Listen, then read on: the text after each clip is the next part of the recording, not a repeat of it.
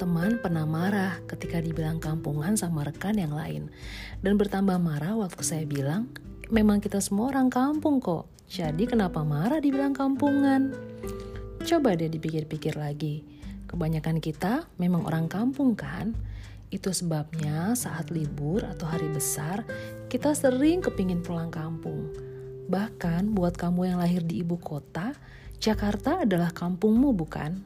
Dengan segala kemodernannya, Jakarta tetaplah kampung bagi sebagian orang.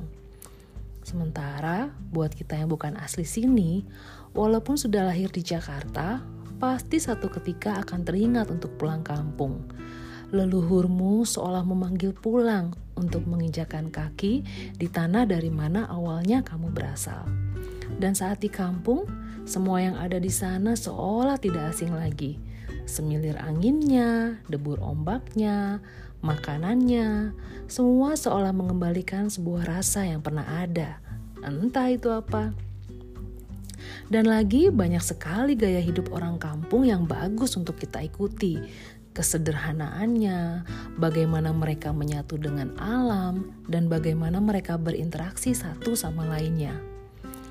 Buat kamu yang memiliki darah Batak, darah Jawa, darah Sunda, darah Ambon, darah Padang, darah apa pun yang mengalir di tubuhmu, pasti akan berdesir begitu mendengar musik tradisional daerahmu kan? Seolah seluruh otot dan persendian begitu menyatu dengan setiap nada yang mengalun. Itulah kita yang orang kampung dan kampungan. Banggalah.